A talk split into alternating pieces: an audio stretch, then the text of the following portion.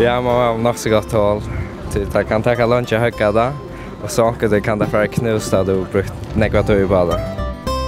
Nekva dem har ganske unga at være inne i en nøyme. Det som vi røyna til er at jeg får en følelse vi hva det er. Alltså är jag en sån som dömer vill jag skroa och jag prövar fram för inte jag och så sviskar så finn problem med.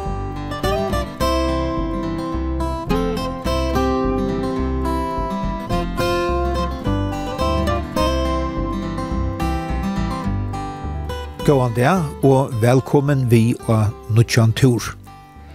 Tjara morgenen fekk i huskåte nu vi hava två startsnämningar ur framhalstalten her i kringkvartnum, at færa saman vi tøymon på avun ut at vi tja erar startsnæmingar og høyra hvordan det er at vera av arbeidsplåsson. Ter boar som er her er Liss Jensen, som opprunalega er ur Foklafire, men nu gonger i 19. flotje i Danmark, og Selma Berg, som gonger i tutsjenda flotje og i fullføra skola. Og Liz, kvært vant du at få bort ur her som turen og tjåkon? Altså, jeg vant jeg få bort ur at vi finner av kvært til forskjellige halvt om det her. Praktikste, om det damer og sånt. Du gonger i Nutjenda flotje i Kokkedal i Danmark, og tid hava bare øyna vigo praktikk, og her er man tvervigur i fargen tar man fyrir praktikk. Er det store måneder? Ja, altså jeg halte hvis man var i tver viker hjemme, man finner ikke mer ut enn da man er i øyne viker, så kommer man lukka inn av det, men man får ikke lukka snakk, altså ut av det, som man er i tver viker. Er du heldig å vilja være tver viker til du fyrte sted? Ja, det er alt man får mer å vite om sted, og så hvis man er i tver viker enn i øyne viker. Du valgte å slippe i kringvarpen. Hva gjør du til? Jeg helt det var spennende. Vi synes sjåmars hos sår. Og det er ikke lagt å få nere. Og nå er du vært etter fjore dagen. Har du gjort noe sjåmarp? Ja. Vi har vært og filmet og fablet av kampstedet. Og vi har gjort det som forskjellig. Ja, hvordan var det? Det var spennende. Det var meg vel. Ja. Og Selma, hvor valgte du uh, for praktikker kring varten? Jeg valgte for praktikker til at jeg halte Jeg har alltid hilt gjett det nok så spennende å være journalist, og det er også med jeg kanskje i tyma. Og så sa jeg at nå kunne jeg færre vite om det faktisk var som jeg helt, og jeg faktisk dømte det. Er så andre vi kanskje der, her? Er det nastryste dævren? Hva er det du har funnet i dag? Jeg har alltid, det, det er det stått litt, og jeg har alltid med å være journalist enn før i fremtiden. Og nå færre vi så at vi ikke praktikanter til var vi på hoskåttet har jeg nevnt av vittig kunne gjøre og ja, og Selma to ganger og i tog da flotje og i forfører skola og alle flokkene til tikkene er i praktikk og løtene og det er imsenstende og vi da finner ikke avtale vi anker avtale om Er du spent på hva færre vi ikke det? Ja, jeg, jeg vet ikke hva ødel er, så jeg helt av nok så spennende å se hva inni er og hva det gjør de ut, ut, ut noen uh, flotje per de i praktikk i Danmark, Lis. Det var ikke de er rundt omkring, onker er i badnagaren, onker er i skolen, og så er det av foreldrene som arbeid og sånt. Ja, men uh, så halte vi ferdig bare sted, ja? Skal vi ikke det? Jo. Ja.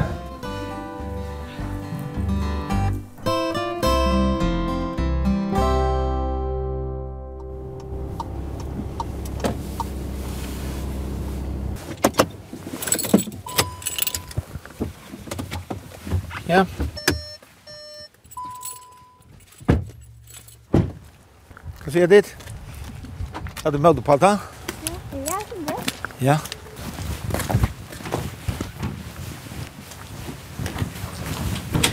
Hjertelig velkommen, Lenner. Esterøya Røktar og Edlesheim. At vi er inne her, før? Ja. Nei. Så er det her hver i kvartier. Hei. Hei. Men fast det är extra bil. Oh ja, god morgon. Oh ja, till hörs här nere ja.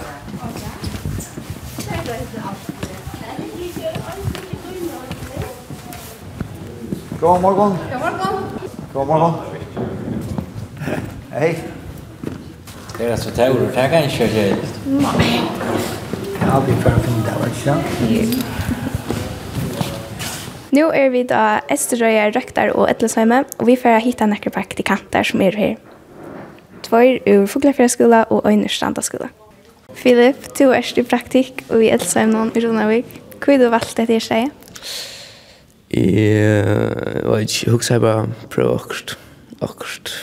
Jeg vet ikke. Og hva er det du gjørs til her til? Vi da prøve alt. Uh, Vi da vi i køkken, og vi da vi i huset over her. Og hva er det du gjørs der? Vi da var vi etter bonken og båren og sånt. Og hva er det du det lese? Jeg er det stortligste jeg var i huset over. Og hva er det det er stortligst? Tøy er at mennesker som arbeider vi er så gøy.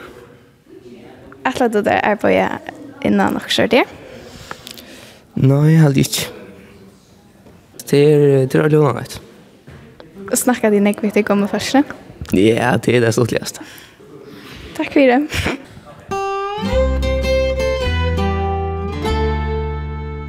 bara lekene, du erst flokslærer kja tutsjenta Flotje i fullføra skola, som nu er i starsvenning. Er det nekka som til sutja framme mot ta næmingar skulle ut i starsvenning? Ja, altså, det er, jeg halde næmingarne sutja i alle fall fram til det, at uh, jag jeg slipper røyne seg og sin drøyvis, ja, og arbetsmarknaden. no? Man bonar sig også, ja, affär ut i arbetslivet, självt om det är så att jag syns inte konstigt att det är så stort, men men fer så ødelen för en uh, værhånd er hva det kan ut på, och Kanske också att man finner det av att det som man helt att man tungt gör det väl kanske sker akkurat det, et eller omvänt också akkurat som man ikke ordentlig, ja hvis jeg det är akkurat det. Så det, det är spännande ju, alltså kurs så så nämligen. Det är bara två veckor och det är sånn det ringt att få en goda gode där och att arbeidsløy går ut på, men, men det är så alltid näka. Og det er vel langere? Det kunde gott vara långre, ja. Men sånn så tek du tog fra, altså, vanliga undervisker tog i sånn, Men sjálvan det att stå där och den vi har väl att lära på så. Tack så ja, Men mulig det kunne være en vik at være trett. Det er ikke, ikke skatt, aldri er, men det er sikkert imenske meninger rundt det. Her halde jeg også til å være en, en avsmenning ut i at, at arbeidsplassene doa betre og betre sudja tutningen av eh få en sån närming och att att ge honom ett så fjällbrött upplevelse som möjligt. Och kan det ordla få fatta när kan göra vi då och karpsplats, ja. Och inte bara att närmingen blir short så vi häng och man ska röna bara att få ta in en gäng. Så det är faktiskt rätt en arbetsplats som som har lagt en en atlant för nämningen Arn han kommer så att han var akkurat kan han ska kvanta och sånt. Det är ordentligt gott alltså. Tar nämligen kan få översläna på sjur. Som det där säger att ädels och rektor hem där. Här är det två rocken och i starslärare och att du först en en en arbetsatlan. Mm ikke har vært høy, og du sørst nekker regler som skal iverhalda og sånne ting. Og du har også en følelse til at, at arbeidsplasset altså, legger nekker ut til, ja, og er, er av og jeg tog først en så god opplevelse som det når en er for til. Rama, du har stått praktikk her i Edelsson og Runavik. Hvor har du valgt dette praktikkplasset? Jeg har alltid bare spennende å prøve. Og jeg eller det var faktisk mamma som Hva er det du gjør her til? Altså, jeg har gjort forskjellig. Da jeg visste det gjerne, da var jeg faktisk av skala og jeg nådde et eller annet her på. Og så har vi vært i kantine, og kjøpte ut av vattnen og eget av vattnen. Og så er snø i røktene. Helt du det stort til å være her? Ja, jeg har alltid vært løst litt. Og ja, eller det var nok bedre enn det antar jeg. Og tanker du arbeid innenfor nækka i snir i framtiden? Uh, jeg vet ikke, ganske, eller... Man damer nok så lett arbeid i feltet. Hei, du vil malt ørene og fære her? Ja, det vil jeg. Eller det er mega skæg å være her. Og ja, jeg snitt annerledes. Takk for det. Brandur, du har stått i praktikk her i Edelsømnen i Ronavøk. Hva har du valgt just dette praktikplasset? Jeg ville bare prøve akkur som ikke visste særlig enn jeg om. Og hva er det du gjørs der her til? Vi har hjelp i husavøren noen, hjulpet til i køtjen noen, og så har vi haft morgenvending ved de som bygger. Og hva er det du vil ta stort lese? Jeg har alltid gjort filmløk ved den eldre.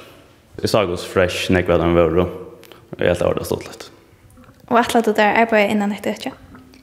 jeg gitt ikke til planer. Det er ikke ordentlig at det er alt mer. Hei, du vil alt ørene for her i praktikk? Ja, jeg har det er jeg stolt av her, og hun har litt, og fitt arbeidsfolk. Hva kan du bruke det til helt til? Nå vet jeg hvordan det er i livet her på en, og hvordan det er å være etelsøm.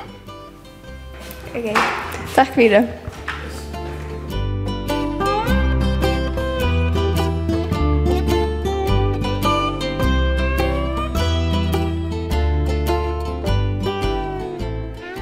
Økjestennastan fyrir kommunar vi Skalafjøren, Øydur Rågin, og Esterøya Røktar og Edlesheim er under Råanon. Her starvast negg folk, og tann som hefur arbeidene av starvsnevnglun som kom her, Øysen i Urfolkaskolan, er Banta Dalheim. Og Banta, hvordan tekka dit imøte starvsnevnglun Urfolkaskolan? Det første vi gjør er at vi får en avhøyden fra skolen om, om vi vilja tekka til nevnglun, Og det vil jeg vite feien. Så for jeg lukker kanne hver dag vi best at de får ut. Vi tar første dag jeg til her, Så vi blir at gjøre en skrå. Røkter og høyme i Ronavik det er størst. Her er vel fjersfolk. Og her er trutja røkter Dolder. Fys- og erkterapi. Køker, røynger. Husavera tjenester. Så vi røyner at gjøre en sånn skrå, så er att at kommer rundt og sutja hver gang fyrir seg av hjem. Så gjør jeg dem å skrive, og det er veldig å gjøre sin personligt, at jeg var nevnt ved navnet til de får brevet. Her som skreien så hanger vi, og eh, her som man ikke er velkommen, sier hver de skulle møte, og når det skulle møte, og her som det sutja skrona, vi ødelen av personen nå. de møtte han klant tutsi den første dagen, her som det så kom inn til en rekkamån og sitte og prata om eldre økje og hva det er å kostere och gammel og bygge en høyme som heter. Her som teg østen kunne komme over torre tanken om det. Og så får vi det godt prat og fer rundt av høymen og hytja og holdt så på folk og holdt så på de eldre østene som bygger vi her.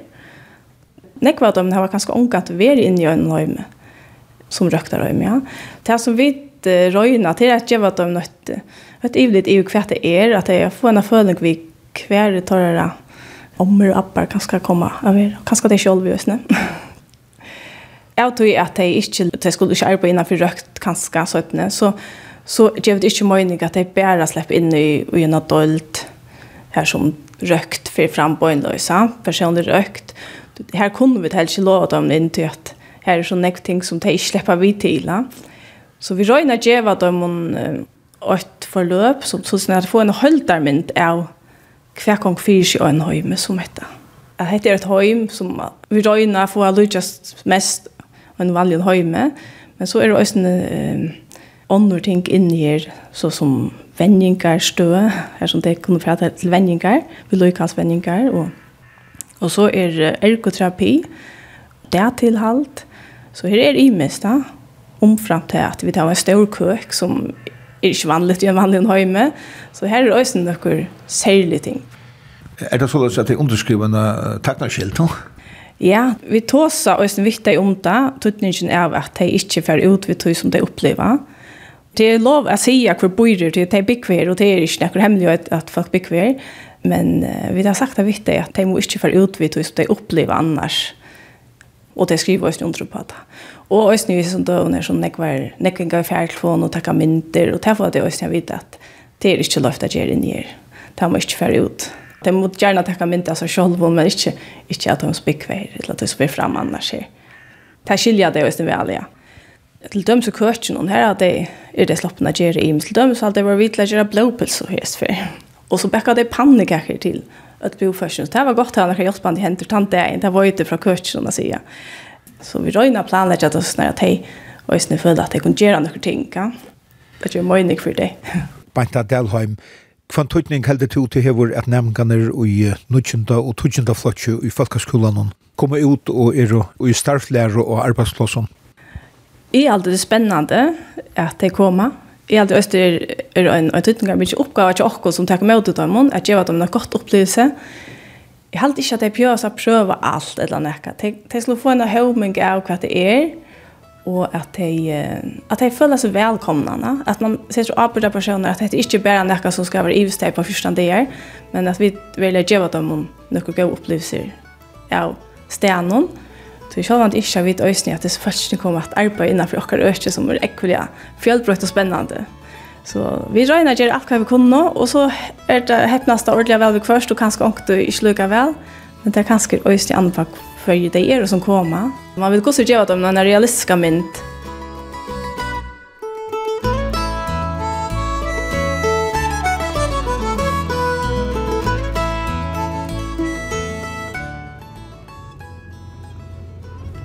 Aløyene kom jeg fram vi uh, Sidegøtta, og her fire ta i sendingen snus om høv, eller røsne støyner, løyta vi etter en uh, heve, uisaks heve, om man fyrir Sidegøtta. Vi funnet det ikke, men så gjerne har jeg der funnet det, og jeg har ringt til min og nå alltid at et som vi kører fram vi her, så har vi blir anfen hosgård komme av Vysamarta. Selv om det ikke har nekka vi hetta evne å gjøre. Om ikke annet så er det utøyselig å komme på rurt og at Øysaks hev er kommet undan kaviater. Musik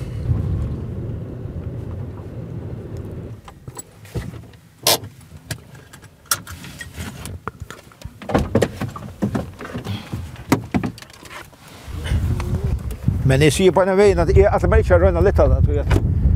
Det er ikke den teknikken jeg har utviklet. Nå, her er det. Her, her var det. Vi var her, her nere. Vi var og nye Ja.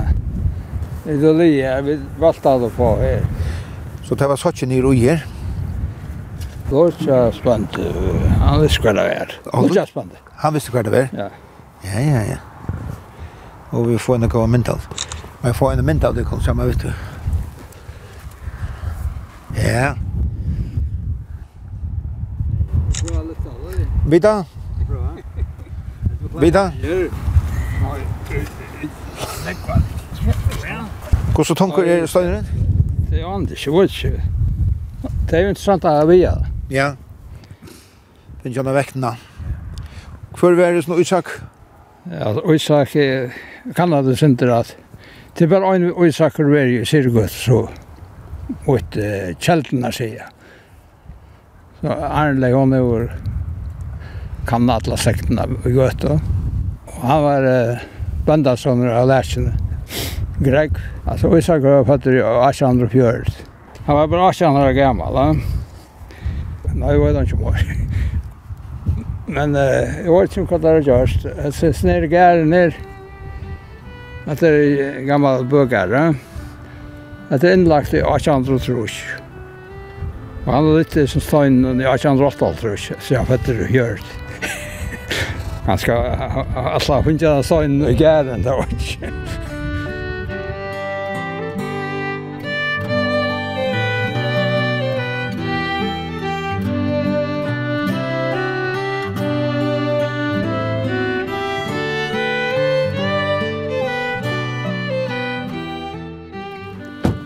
er Lorvugar skole. Her er det tvær næmingar ur 20. flotje og i fullfara skole og i startspraktikk. Det er og Martin Justinesen ur Gøto og Jonas Hansen hene ur Lorvug. Og vi da finner jeg vite at tar fylkja fyrsta flotje her i Lorvugar skole. Og det er det vi finner her. Og en er ferdig når man filmer kattelen, han vært utrådt, og henne er sangt vi med. Hva velger vi ut?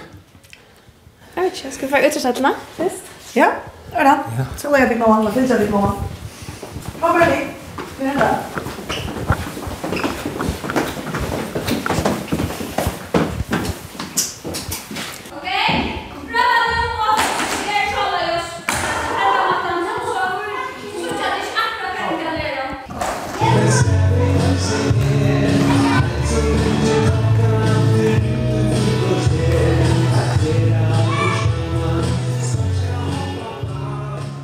Jonas, du er i praktikk og i skolen i Lørvøk. Hvor er du valgt for praktikker?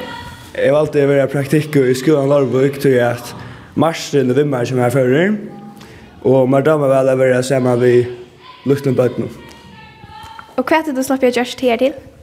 Jeg har haft tøymer selv Jeg har kjipa for lømmes rokken.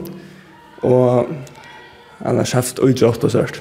Hva er en flotje har du undervist? Fyrsta år. Um, hva er det stortligaste som du gjør her i? Det stortligaste er sikkert frukostkjær. Jeg vil frukostkjær noen sparska, vet du. Og alle du arbeider innan øke som lærer til dømes? Det er gitt ikke noe, Jeg var kjørt. ordentlig. Hvor ikke? Så jeg er mer, jeg er mer kjøy med over, men jeg får bare praktikk på den her, så jeg er stort litt. Hei, du vil malt ørene ved før praktikker? Ja, det er det. Det er stortlig. Takk for det. Hörja något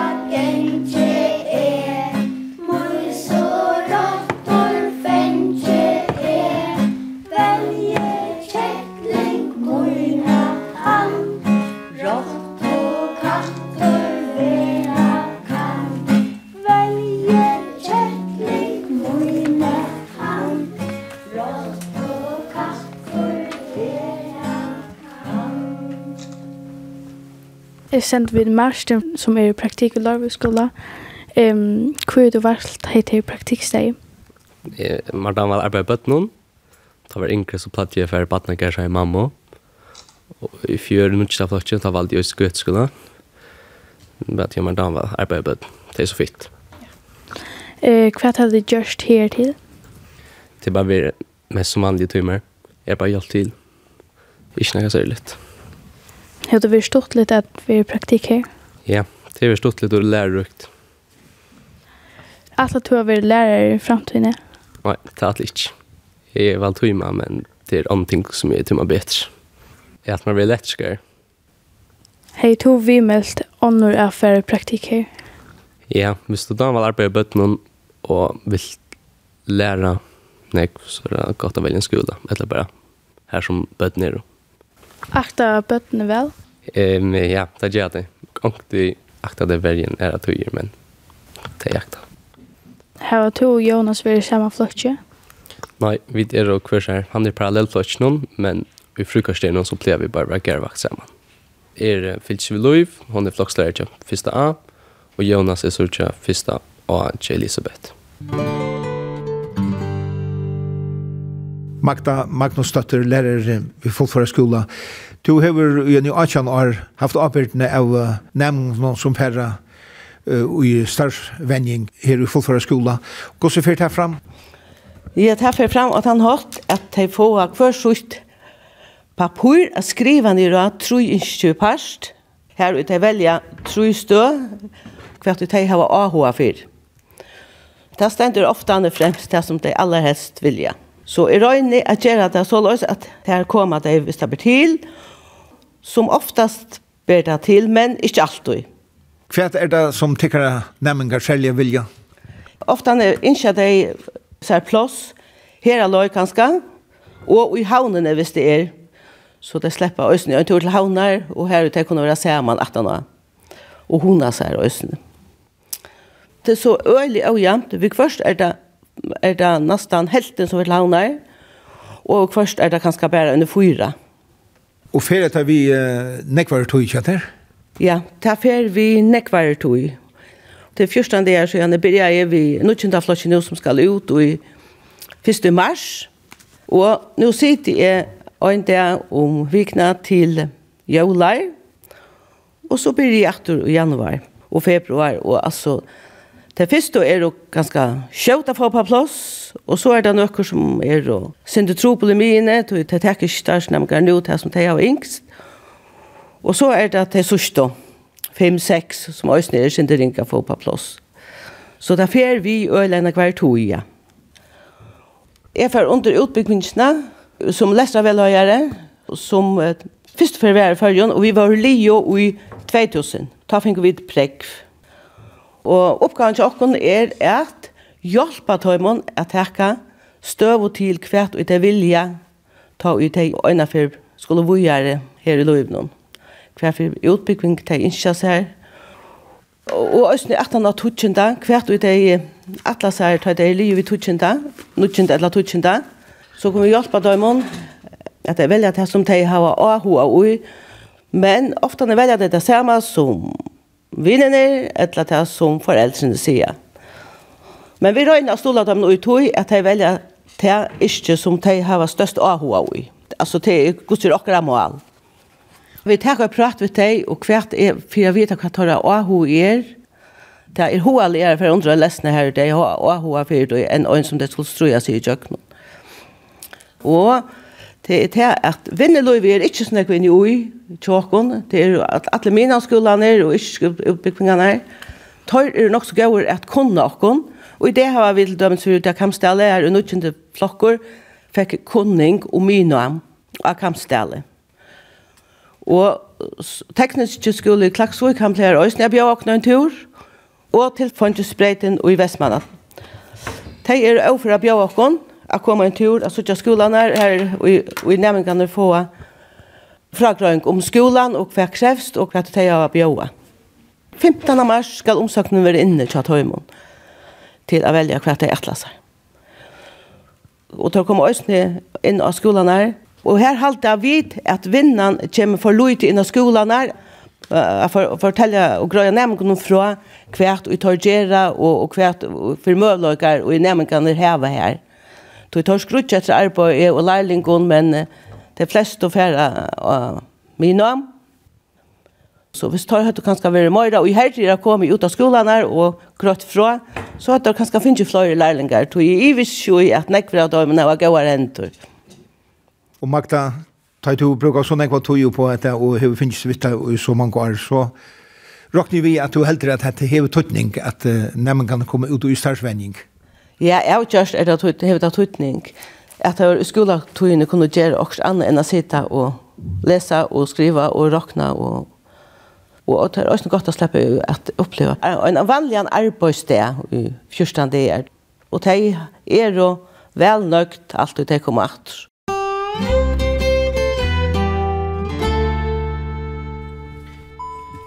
Peter Larsen, omsiding Søla og Aukrøsla. Dette er fokla fire.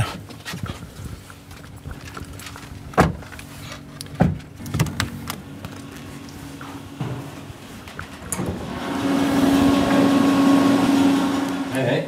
Hei, hei, hei, god dag. God dag, god dag. Noah, hvor har du valgt dette praktikksteg?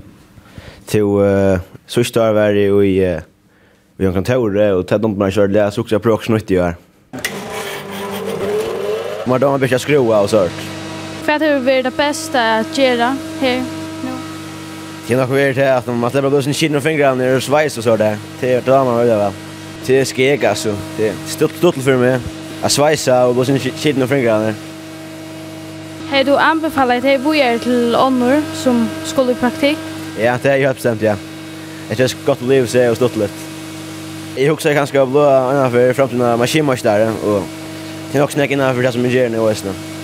Jag blir inte faktiskt extra där och sådär. Jag blir bara mer... Jag vet inte vad jag ska säga. Inspirera och...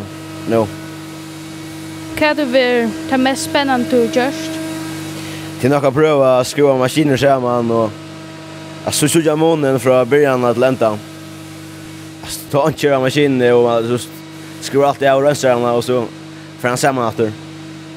Altså, jeg sjølver det gjør noe som tar hva jag skru av og Fem ikke der, kan ta faktisk, til snapp opp. Hva er du så att man tutsen da? Ja, alltså jag husker kanske att få lära på sångstjernes, och så att man tar för att göra skola. Rekve Rowan, to erst annar av øyere noen her, til Peter Larsen og Stjore. Her var ditt ofta praktikanter? Anken tog i kjemranker. Ofta lokaler, ofta fullfringar, eller fullfringar skola. Og da var vel at få praktikanter til det gjerne Jeg alltid skapen av en stemning, man skal fyra seg løsninger, og det skal ha godt, og, men også føler jeg at det er vi gjør, Kjøpet Larsen. Nu sier Noah at hon damer vel å skrua, og han er, er ikke forskrekt annet, så han atlas her blå maskinmøster. Jeg råkner vi at de som kommer her, de damer å skrua? Det gjør det. Det er ofta folk som tøymer at forskjellene fingrar skrua synder svart, og det er alltid noe vi er overfor til, og vi har vilja sånn gjerne han slipper å suttje alt som vi gjør, og slipper jøkken nøkting, slipper sveis, og slipper åkt annøysene. Så han ska bara pröva sig och han kan ligga ligga varför jag nu det gör det. Nu tar som man om att skolan blir så teoretisk och alltså hällde du att det är att få som då man väl skruva och nämnden. Jag vet inte för vad som damer skruva men jag hade inte släppa nu alla skruva och göra ting som kanske inte är bara boklig. Det hade i skolan är man ska lutsa inte det värre till. Si ösn jag äcknar runt om. Eh så tänker jag också mig att kanske kom det synd mer och det vinner Lövenberg så första dagen. Kanske spurte det också för det när om hva hender jo okkur, og bjøy åkken kanskje nian, og undervisa en tøyma, eller ikke undervisa, men fortelle hva det man gjør som fyrdøkka, så sier man, kommer sin rundt om til det praktiske øyne, eller det, som ikke kanskje alltid er så teoretisk, handla litt, eller hva kan man er Vil du da finne flere praktikanter? Ja, det er sikkert bare vil finne, jeg heldig har ikke hatt med å finne flere praktikanter, slett ikke. Ja, for åkken har det kanskje at han tøytning at det er veldig okkur som arbeidsplass til de øyna for livskolan, og för det själv vi alltid det så släpper det jag finna det om kvart eh kvart är utanför skolan kvart annor är ger en en kanske till arbetsen och en från få men också annan en skola gångt in släpper röna sig prova vita vad det är att arbeta till ikke er større enn han er kan det vara till alltså till kanske vet ikke at det er til. vi er ikke så rævlig kjønnelig terror, det er vi ikke, og, men uh, jeg tror alle nærmengar vet at det er fyrt rundt omkring så her som tenker om. Enten spyrir om arbeid om, eller spyrir om læreplass, eller spyrir om praktikplass så kanskje jeg vet en par støysen vi skulle løsne bjør hun kanskje synte mer fremme at tidsi mot lærlingon eller kanskje at vursdokne synte mer skolan løsning. Så tal Johan som at du heldur en til stor tøtning at um, skolanæmingar kommer ut i starspraktikk? Det er stor tøtning, og jeg heldur øysen stor tøtning av vit som, uh, som visker vursdokne mer skolan til alltid, ja det er en folkhögskola lov som bestemmer hva undervisning kommer ut på men vi skulle kanskje du har sin det samma betvinna tät tät enkel skola det er färra Kan man kommer åttonde och nittonde flockar. Man ska välja sig ett land, man ska välja sig en utbyggning, man ska välja sig... Tycker ofta är det mina man också är om och kanske färre som också en handaliga utbyggning. Och här skulle vi kanske som fyrt fyrtycker vi donaliga i att... Jag fortalte om åkken, jeg marsna for åkken og sniv fyrre, for ungkom falskje. Man kunne gå seg efter tanken.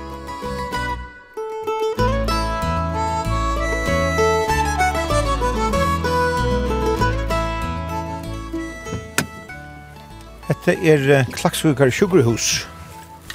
Og her er òsne praktikantar. Begge ur Stranda skola og skolan og Vistreimen. Felagsskolan og Ørabakka. Hva er det her? Vi tar dit... Um, du kjenner akkurat dem som er her. Uh, Sanna?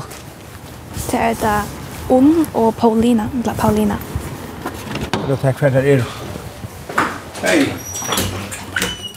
Hallo. Kom där. Du kommer ut av dokka. Det är väl. Och jag gör det. Ja, ja, ja. Jo. Jag också praktikantar är det. Ja, ja. Vad står för där är då? Jag gör visst först om gången. Ja. För hinna horna och så bara att vitsa där du kommer. Oh ja. Ja. Tack för det. Tack. Ja, står det er ikke sånn jeg valgt i jorden.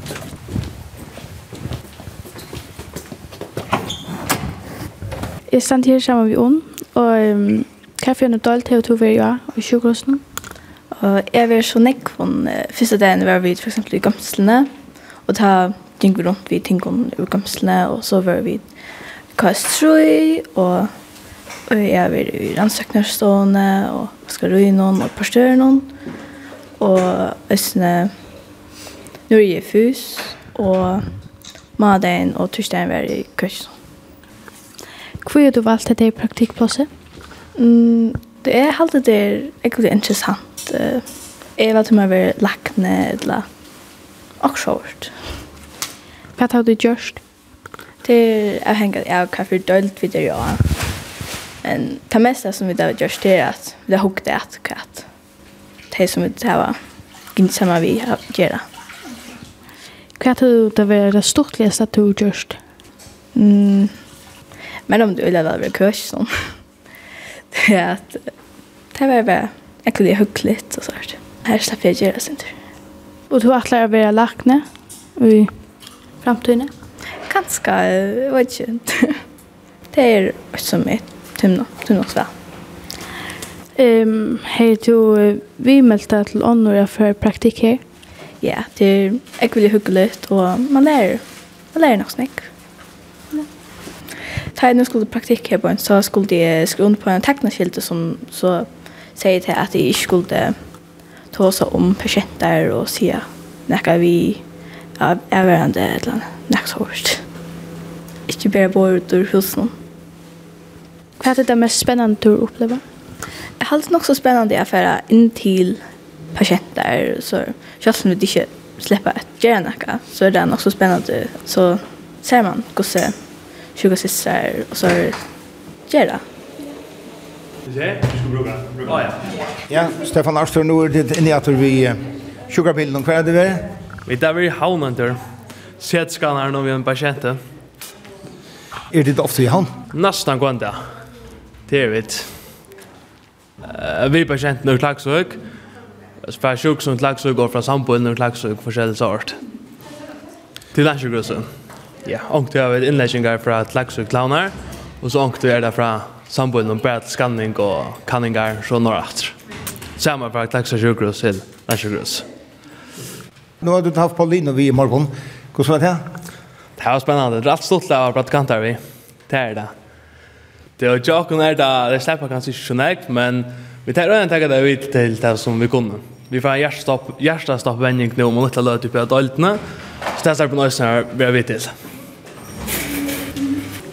Ja, Paulina, du er i praktikk og i sjukhusen av Klaksvik. Hvor du valgt dette her i praktikk seg? Um, jeg har valgt det, tog at jeg husker meg å være sjukhussøster, og jeg husker at det kunne bli avhåverst affære her, at bli praktikk. Och helt då det är väl hjältar eller så snär till att bli sjukgymnaster eller till att välja att bli sjukgymnaster. Ja, det har hjälpt ordentligt väl. Jag lär sig en ägg och vara runt om allt sjukhus och säga hur det är att göra och hur så väl det är vi först som är det. Vad är du gjort och hva är du varit här till? Jag har varit i gömslene. Här är hjälpte vi har fylla ut försäljningsorder. Och Så har jeg også vært vaskeruinen og køtsenen. Her er hjelpte vi har sørt. Legge klær sammen og at gjøre maten, legge pålegge og forskjellige der. Jeg har også vært av skjestående og hjelpte dem vi at bære mat ut og eh, så har jeg pratet sin det blir pasientene også. Så har jeg også vært her i fysioterapi og hjelpte dem gamle vi at trene seg opp etter og eh, se hvordan de har gjort. Så er jeg også vi til sørt yoga ting her det strekt og forskjellige muskler, ryggen og ut og aksom for at løsne seg råd. Så er jeg som vi er nå ved portøren og ser hvordan det er til hva folk og til imste. Mm -hmm. Hva er det du er det mest spennende eller stortligste gjørst?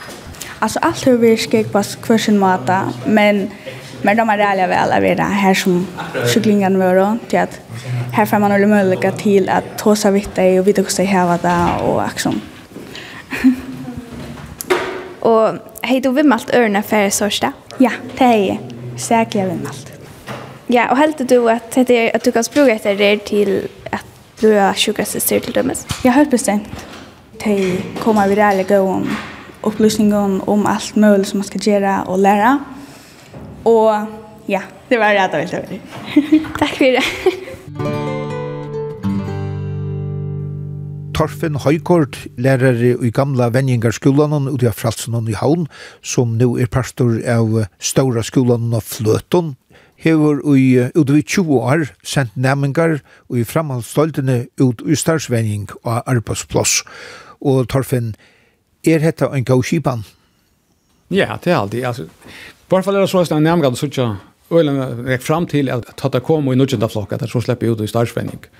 Så det er alltid, og jeg sørger ikke at det er atmeldingar man fer fra fra startsvelningar plassen og tider, alle ofta skov, eisen kjenner jeg som vi tar tro på at vi har inne i okra skolaskipan. Det er alltid øyelig godt at. Nu er det så at vi i skolan har Här var inte några möjligheter att göra nämligen. Tills jag passade det inte in i det här bokliga systemet och så, så har vi inte några bjöd dem. Och då hade det öliga gott att att det här också så fram till att det kommer släppa ut och och, och röna sig ut i det verkliga livet. Och det hade ju att att nämligen det här visar sig att att att det här det här är något som som där beslutar hemma. Och så kan man liksom ta sig, nu är det vi som, som skolavälare som sänder det ut, så kan man liksom ta sig vitta om om, om det här väl och i löven om, vad det skola. Är detta näka för det? Ja, det är det kommer ut till. Jag vet om detta här kan brukas, om det är ända den här vägen till skola, då det nu skola välja sig rätt. Att vi gör skola eller eller uppbyggar lov att han har folkskolan. Tar man här vi pratar vi till framan måndag så känner man Lucas som terra törv och jag hade att att ett utgångspunkt och och i törven och men ellers väljer det mer eller mindre frukt. Och jag måste säga att jag hadde plats ni det är öliga väl vi, att det gjør seg stunder, och där man kan få läsning att där får några borser. Det mest då. Ja, det er mest jo, det er absolutt det, absolutt det, og takk for det, at det er jo, det skulle jo ikke takke måter, da, men det tar välvilt att att det tar emot dem och till oförst att att det gör det. Så sagt Arne man tar så om att skolan är så teoretisk och det blir ofta väldigt etterlyst det här den mer praktiska skolan kvantutning helt då det här att nämngarna färre ut på hända maten. Tar vi ikke, inte som skolaskipan ikke kunne bjóa nærmengen, så sälja nek tar det här några bitar praktiska göra. Så hade det øyne en stor tutning att att ta komma ut och och kunna söka kvar är det i skall kvar är det kan brukas till det här vi helt inte fel av munnen så det hade ju ordligt gott. Jag har till dem saft onkla nämgar sen ut i starsväning som som är fallet direkt av vad jag och lär till nämgar här som har som mycket har passat in och i och i skiparna men men har vi ödat onanligt att det kommer till till de får en ut som kocker och en får ut som bilmekaniker. Og Arne tar tog som vi nu ikke flott i Ivstein, men det var sera donalir, og det har vi haft flere av som har vært donalir. Og er så kom det eisen og vi lærer av timeplassen som de, de har vært ute ja. men ellers ser man eisen til at at de får arbeid at han har skola tog, ofta nu at han støvn til er jo.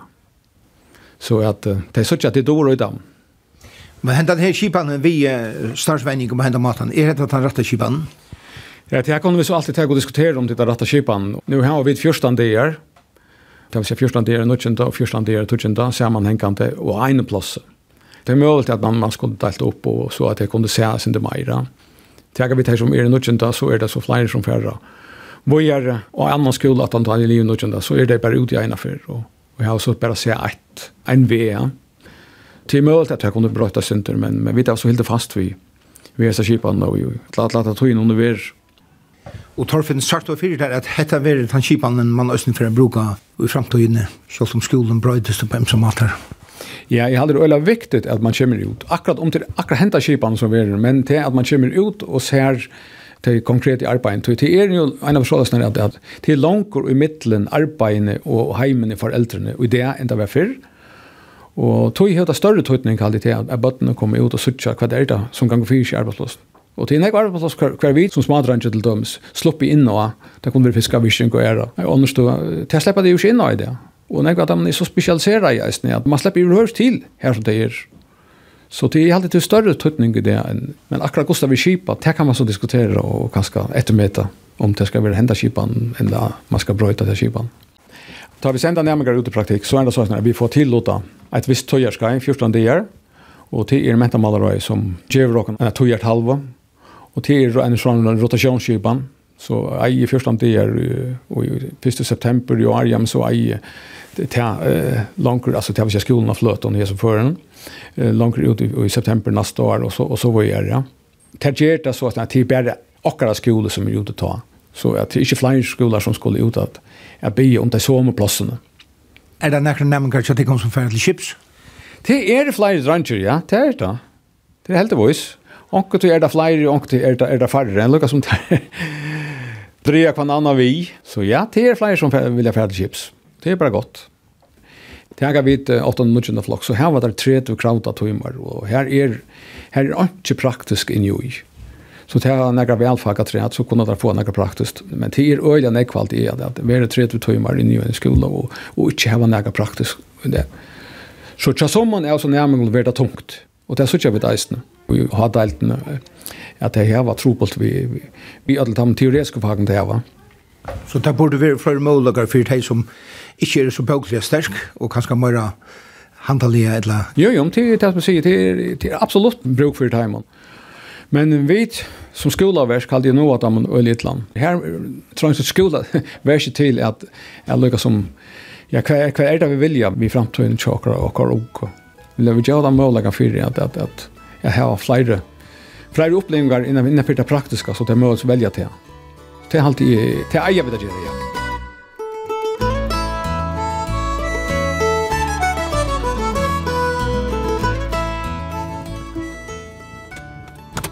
Så var vi i Klaksvik. Kallt jeg hette Øyter Åman Hodden, Klaksvik, og her så kjører vi da menn i det ferie vi har Leon Gær, Og her er også en praktiknæmengur ur fotfara skola, Elias Hansen, med den læreren her i dag. Hei, hei. Jo. Det ser ikke bort ut. Det er bort. Det er sjura gråt. Nei, her er nok så blanda gråt. Vavon, hundsarabotne, og også gøt og sånn. Kjellig jeg Hei, hei, hei. Ja. Elias, du er i praktikk i Grødleng. Hvor du valgt valgte just dette praktikkplasset? Det er faktisk fordi jeg var øyne søgner, jeg velger sted. Så viken av æren så måtte jeg finne noe kjøtt, og jeg kjente Bjerster, så jeg spurte han. Og hva er du gjør til her til? Jeg har lagt fliser og vært i hundsrabotten etter grøte, og så har jeg et høyt grøte, høyt kant der kjørt. Og helt du det spennende? Ja, det er spennende, ja. Det er Uh, forskjelligt man skal gjøre, alt rundt runt samma og ja. Eh vi tar vi i Fuglafjärden så här har vi ett ankte vi vi tar vi i för og vi var i Havna en tur i Gjør. Vi det är förskälligt. Men nu er det med Fuglafjärden og klaxvik. Atla du att arbeta innan etter, ikke? Nei, det atlar ikke. inte. Kvitje? Eh, vad är det bedre at man är smidig? Hvordan är det få stöna när det lite gott är det nevnt eller ringt? Eh det är ikke nämnt så nå, Men man Jag vet ikke, man har hört det där till.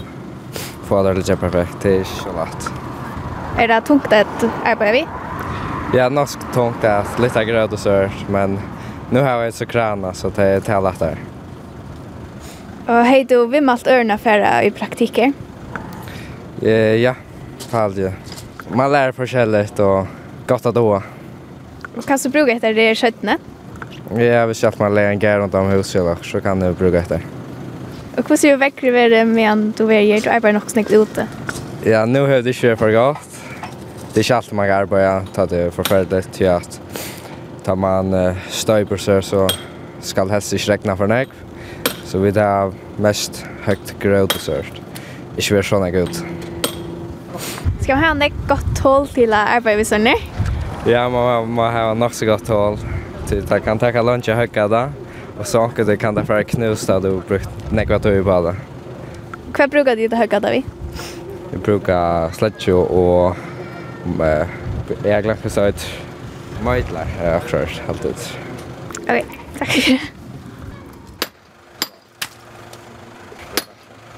Bjartur Larsen, du er arbeidsgjøver til Elias i Løtne. Ja. Har du ofta haft praktikant? Nej, det är först tror jag praktikant. Det är nog stort det allt, ja. Eh, spännande, jag inte spännande.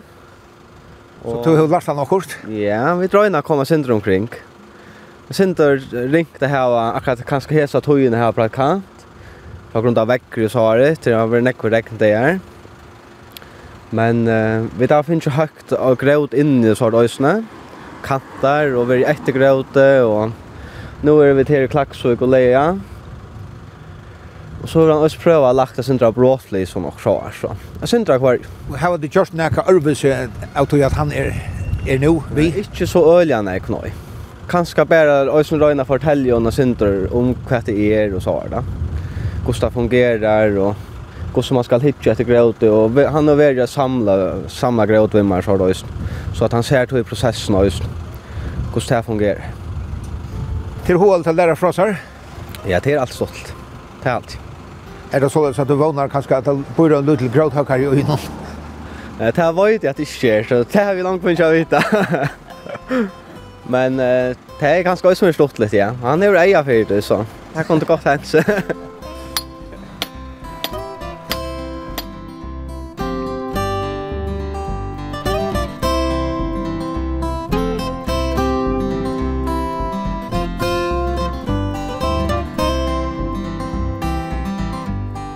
Ja, så har vi vært jo vidtja nekra nemingar ur framhaldsstoltene som er i starsvenning og arbeidsplosson.